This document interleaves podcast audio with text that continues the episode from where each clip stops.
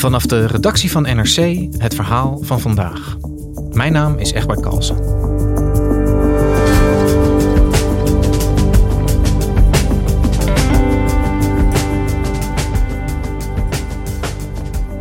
De Oekraïense president Zelensky sprak vorige week de Veiligheidsraad van de Verenigde Naties toe. Hij haalde hard uit naar Rusland en veroordeelde ook de Veiligheidsraad zelf. Correspondent Michel Kerres legt uit waarom het de wereld niet lukt om een vuist te maken tegen Rusland.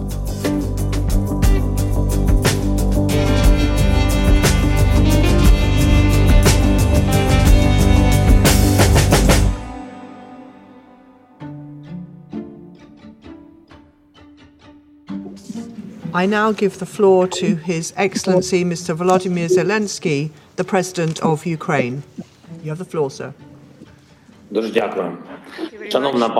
Dear Mr. Secretary General, distinguished members of the Security Council, and other members of this meeting, thank you very much for this opportunity. Zoals eh, Zelensky eh, heel veel westerse parlementen heeft toegesproken, zo sprak hij vorige week ook eh, de VN-veiligheidsraad toe in New York. Hè, dat is die beroemde eh, zaal met dat hoefijzervormige opstelling, waar alle belangrijke landen van de wereld vertegenwoordigd zijn. En hij kwam daar binnen op een groot videoscherm in zijn eh leger t-shirt, in leger groen. En hij haalde snoeihard uit naar Rusland en naar de Verenigde Naties zelf. So, where is the security that the Security Council needs to guarantee? It's not there. als een organisatie die eh, vrede en veiligheid heel hoog in het vaandel heeft, een agressieve oorlog, zoals Rusland tegen zijn land is begonnen, niet kan tegenhouden, dat zo'n internationale organisatie geen knip voor de neus waard is. Then the next option would be dissolve yourself altogether. Hij werd onmiddellijk onthaald op een enorm applaus. En dat is vrij uitzonderlijk, omdat het is een beetje een eh, gedragen eh, omgeving altijd. Het is een hele deftige zaal met eh, gedempt licht en hoogpolig tapijt. En er wordt bijna nooit geapplaudisseerd.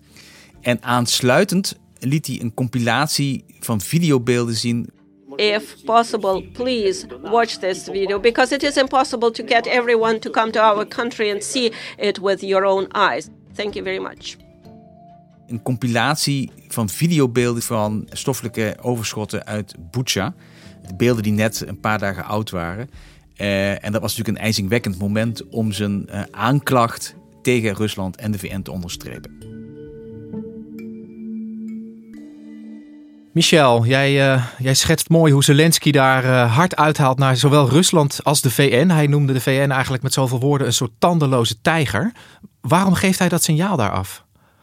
Bijna alle landen in de wereld zijn aangesloten bij de Verenigde Naties. Eh, ze hebben 193 leden. En die komen allemaal bij elkaar. Die zijn allemaal lid van de Algemene Vergadering. Elk land heeft daar één stem. Nou, die VN dat is een enorme organisatie geworden sinds de oprichting in 1945, die heel veel verschillende taken op zich heeft genomen. Dat gaat over humanitaire hulp, het uitzenden van vredesmissies. Eh, Er worden discussies gevoerd over technische standaarden. En één heel belangrijk en in het oog springend orgaan is natuurlijk het orgaan dat gaat over het voorkomen van oorlog. En dat is de Veiligheidsraad. Daarin zitten vijf grootmachten, zeg maar de overwinnaars van de Tweede Wereldoorlog. En die hebben elkaar destijds eh, een veto toegekend. Rusland heeft zo'n veto, maar ook China, het Verenigd Koninkrijk, Frankrijk en de Verenigde Staten. Daarnaast zitten ook nog eh, tien niet-permanente eh, leden. En hij legde de vinger op de zere plek, want die Veiligheidsraad die kan van alles, behalve als natuurlijk een van die vetomachten persoonlijk bij een conflict betrokken is. En dat is natuurlijk wat hier gebeurt. Die Veiligheidsraad kan helemaal niks, omdat Rusland, een van de vetomachten, zelf de agressor is. Heeft zo'n veiligheidsraad dan eigenlijk wel zin op het moment dat een van die landen eh, de agressor is? Nou ja, je kunt dus heel weinig doen. Dat, is, dat maakte hij natuurlijk heel duidelijk met zijn optreden. Wat hij met dat optreden ook duidelijk werd, is dat het een, eh, een geweldig toneel is om zoiets aan te klagen. Dus het is meer een plek om te laten zien wat er aan de hand is in de wereld, dan een plek die dan meteen voor een oplossing kan zorgen. Kijk, als het gaat over een conflict in Afrika bijvoorbeeld, die geen vertegenwoordiging in die Veiligheidsraad hebben, dus geen veto hebben, dan kan daar ook iets besloten worden. Bijvoorbeeld om een veiligheidsmacht ergens naartoe te sturen namens de VN. Om, weet ik veel, twee strijdende partijen in een Afrikaans land uit elkaar te houden. Dus dat kan daar wel. Maar zo gauw dus een van die vetomachten heel erg een belang heeft, dan staat die organisatie eigenlijk gewoon aan de kant. Ja. Nou was er ook nog een andere bijeenkomst, eh, de VN Mensenrechtenraad. En daar is Rusland wel uitgezet. Hoe zit dat? De Mensenrechtenraad is een, binnen de VN een aparte organisatie. Vorige week donderdag werd een stemming gebracht. Kan Rusland, gezien de inval van Oekraïne, in de Mensenrechtenraad blijven? En toen hebben 93 landen eh, gezegd nee. Eh, en 100 landen hebben zich onthouden. En dat was genoeg om Rusland dat lidmaatschap van die specifieke raad te ontnemen. Maar dat kan in de Mensenrechtenraad dus wel, maar dat kun je dus in de uh, Veiligheidsraad kan dat niet. En jij zegt 93 landen hebben voor uh, het, het, verwijderen van Rusland uit de Mensenrechtenraad gestemd, 100 hebben zich onthouden. Hoe zit dat? Ik bedoel, waarom zijn er zoveel landen die ondanks de, de evidente mensenrechten schendingen zich onthouden van een stem? Ja, nou dat zijn dus landen die het misschien wel niet met Rusland eens zijn, maar dat niet heel duidelijk willen laten blijken. Uh, en de landen hebben daar heel uiteenlopende motieven voor. Je hebt kleine landen die voelen zich geïntimideerd door Rusland bijvoorbeeld. Rusland liet voorafgaand aan die stemming over de Mensenrechtenraad ook een dreigbrief rondgaan. Zo van, uh, denk eraan, als je tegen ons stemt, dat noteren wij. Dat klinkt misschien een beetje slap, maar dat is in diplomatieke taal wordt dat als een dreigement opgevat. Als je afhankelijk bent van China, dan richt je je op het stemgedrag van China. En dan blijf je ook liever weg van een harde veroordeling van Rusland. Je hebt ook landen die ruzie hebben met het Westen. Uh, bijvoorbeeld landen Zimbabwe en Burundi, die hebben sancties aan hun broek gekregen van het Westen.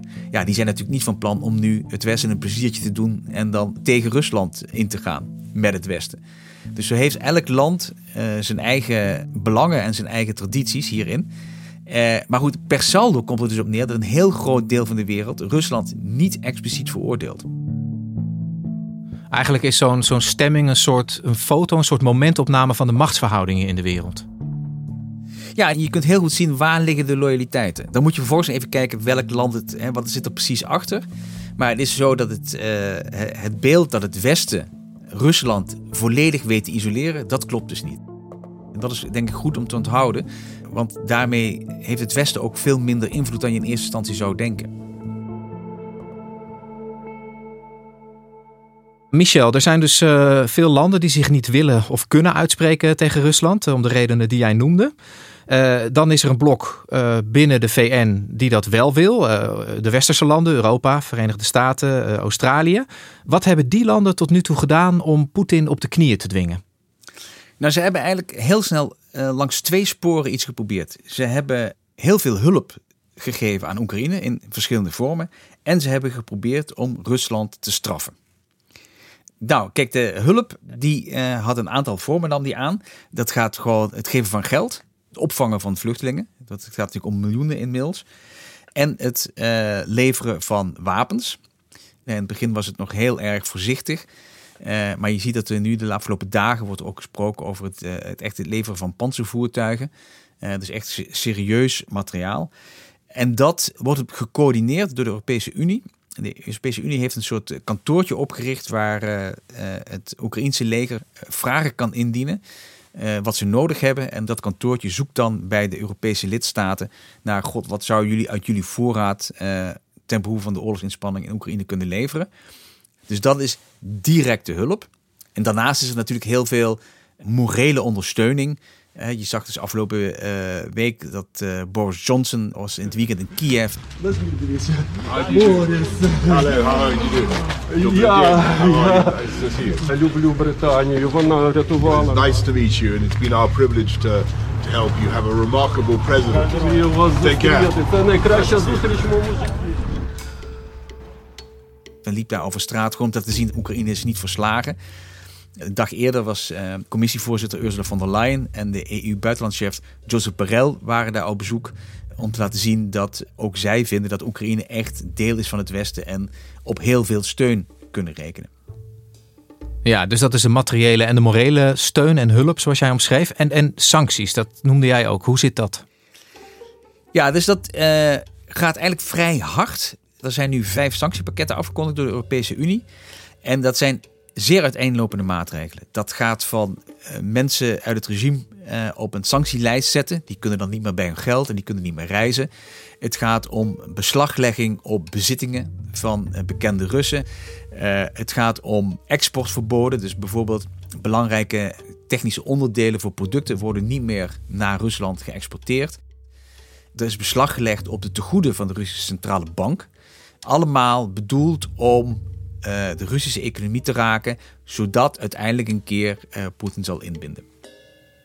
Ja, en, en hoeveel pijn doen die sancties Poetin op dit moment? Of, of heeft hij nog mogelijkheden om zijn economie ook buiten dat strenge Westen, om het zo maar even te zeggen, uh, draaiende te houden?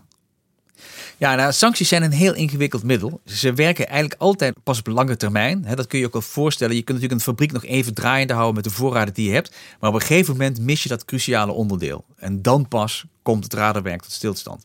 Dus er is een soort van aanlooptijd nodig voordat sancties echt bijten. Uh, dus dat is één uh, probleem. En het andere is dat hij natuurlijk kan proberen de spullen die hij in het Westen niet meer kan verkopen, af te zetten in landen die helemaal geen sancties opleggen.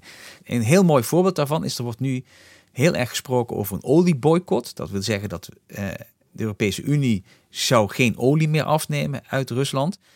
Maar je ziet dat India de afgelopen weken heel veel olie extra afneemt uit Rusland.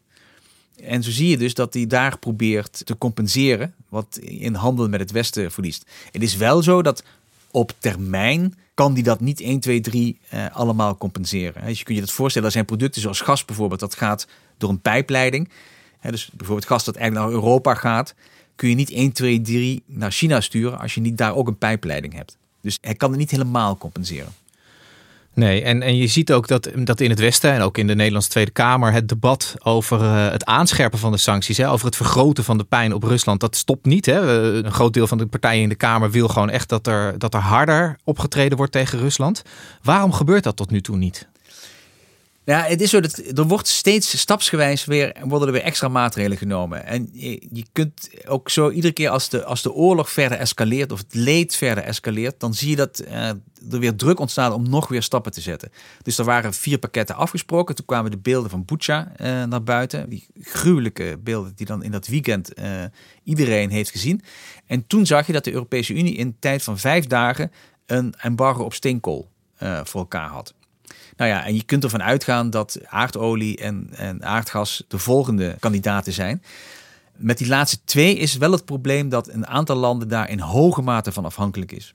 Dus het uh, meteen stopzetten van de gasimport voor met name Italië en Duitsland, dat is echt een groot probleem. Dat heeft twee facetten. Uh, die landen zijn bang dat ze erdoor in een recessie geduwd zouden kunnen worden. En ze hebben ook heel praktisch het probleem dat ze niet goed weten hoe ze hun huizen moeten verwarmen, hoe ze elektriciteit moeten opwekken. En met name in Duitsland hoe die grote industrie moet blijven draaien. Dus bedrijven als BASF, die hebben enorme hoeveelheden energie nodig om te blijven draaien. Want zo'n type economie is de Duitse economie nu eenmaal. Dus die kunnen heel moeilijk van de een op de andere dag van dat gas af. Dus die remmen dat. En in het Westen zie je ook veel uh, steun voor, uh, voor Oekraïne in de vorm van mensen die bewust uh, wat minder gas gaan verstoken, die hun thermostaat lager zetten. Helpt dat? Nou ja, dat zou natuurlijk op de hele lange termijn een heel klein beetje kunnen helpen. Ik denk eerlijk gezegd dat het heel verstandig is om je thermostaat lager te zetten, zodat je gasrekening niet zo hoog wordt. Want met alle Europeanen betalen we dagelijks 700 miljoen aan Rusland voor de afname van gas. En dat bedrag is zo hoog, eh, onder andere omdat de prijs gestegen is. Dus ook als je het volume omlaag brengt en de prijs stijgt, dan ben je per saldo uh, maakt het in de cash-inkomsten in Rusland natuurlijk niet zoveel uit. Wat uiteindelijk zal helpen is, en daar het zal nog wel even duren voordat we daar echt zijn, is een serieus Europees gasembargo. Wat is jouw inschatting? Gaat er op een gegeven moment wel een moment komen dat we ons volledig hebben losgemaakt van bijvoorbeeld die Russische energie als Europa? Ja, een bijeffect van dit geheel is dat Europa zich gerealiseerd heeft hoe afhankelijk het is van uh, Rusland. Dus dat het eigenlijk niet autonoom kan opereren. En dat is een enorme hoop activiteit op gang gekomen om te proberen alternatieve bronnen, uh, energiebronnen aan te boren. Dus er is een megadeal gesloten met de Verenigde Staten. Uh, er komt ontzettend veel gas, uh, wat vloeibaar gemaakt is, per schip de oceaan over de komende jaren. Zo'n deal is, heeft gisteren de Italiaanse premier Draghi gesloten in Algerije. Algiers heeft ook heel veel gas. Dus die krijgen ook enorm veel extra gas binnen. En dan kun je natuurlijk op een gegeven moment een punt bereiken waarop je zonder al te veel schade van Rusland af kunt en dan op andere landen kunt leunen. Ja, dus dan kan je je stapsgewijs losmaken van, uh, van de banden met Poetin. Uh, maar dan blijft uh, dat probleem van die escape, hè, van die mogelijkheid voor Poetin om die andere afzetmarkten nog aan te gaan boren. Is hij überhaupt wel zeg maar, zo te raken dat hij gedwongen kan worden om te stoppen met die oorlog? Sancties hebben, uh, historisch is het een heel moeilijk instrument. Het wordt heel vaak toegepast. Maar er zijn maar heel weinig voorbeelden dat landen ook echt heel erg uh, gedaan hebben wat de bedoeling was na sancties. De meeste landen probeerden er op een of andere manier uit te zingen, uh, haalden de broekriem aan, knopen nieuwe vriendschappen aan om te proberen van die sancties die vaak door het Westen worden opgelegd, om daar onderuit te komen. dit is wel een heel fors pakket. De Wereldbank verwacht dat voor dit jaar de export en de import met ongeveer 30% zullen inklappen. En dan is natuurlijk de grote vraag: wat doet Poetin daarmee? Boel, zal die dan zeggen van oké, ik stop nog maar met die oorlog? Of uh, is het een kat nauw en gaat hij nog gekke sprongen maken? Dat is dus wat we niet precies weten. Maar de, de hoop is dat de ellende zo groot wordt dat hij op een gegeven moment ook gewoon niet meer oorlog kan voeren. Maandag claimde Oekraïne dat Rusland ook al chemische wapens heeft ingezet in, in Mariupol. Is er iets wat Poetin kan doen waardoor wel de hele wereld hem veroordeelt? De inzet van chemische wapens is natuurlijk zo'n rode lijn. Dat is overigens ook een rode lijn weer voor het Westen. Want met name eh, de Verenigde Staten en het Verenigd Koninkrijk hebben gezegd van als hij dat doet, dan zullen we met gepaste munt betalen. En we zullen zien wat dat dan zou betekenen. En dan heb je dus niet alleen maar meer over economische sancties, maar dan zou er ook daadwerkelijk militair ingegrepen kunnen gaan worden. Nou ja, dat zou een optie zijn. Hoewel het moment is nog steeds zo dat de NAVO zegt: wij steunen Oekraïne, maar wij eh, vechten niet tegen Rusland. En kijk, de NAVO zegt ja, wij hebben ook een verantwoordelijkheid om te, ervoor te zorgen dat dit niet een nog veel grotere brand wordt dan het is. Tot die tijd overheerst denk ik voor iedereen de vraag: hoe ver willen we gaan? Eh, of hoeveel schade willen we onszelf aandoen? Hoeveel pijn zijn wij bereid te lijden om Oekraïne te helpen? Ja, en om Poetin te stoppen. Precies. Dankjewel, Michel. Graag gedaan.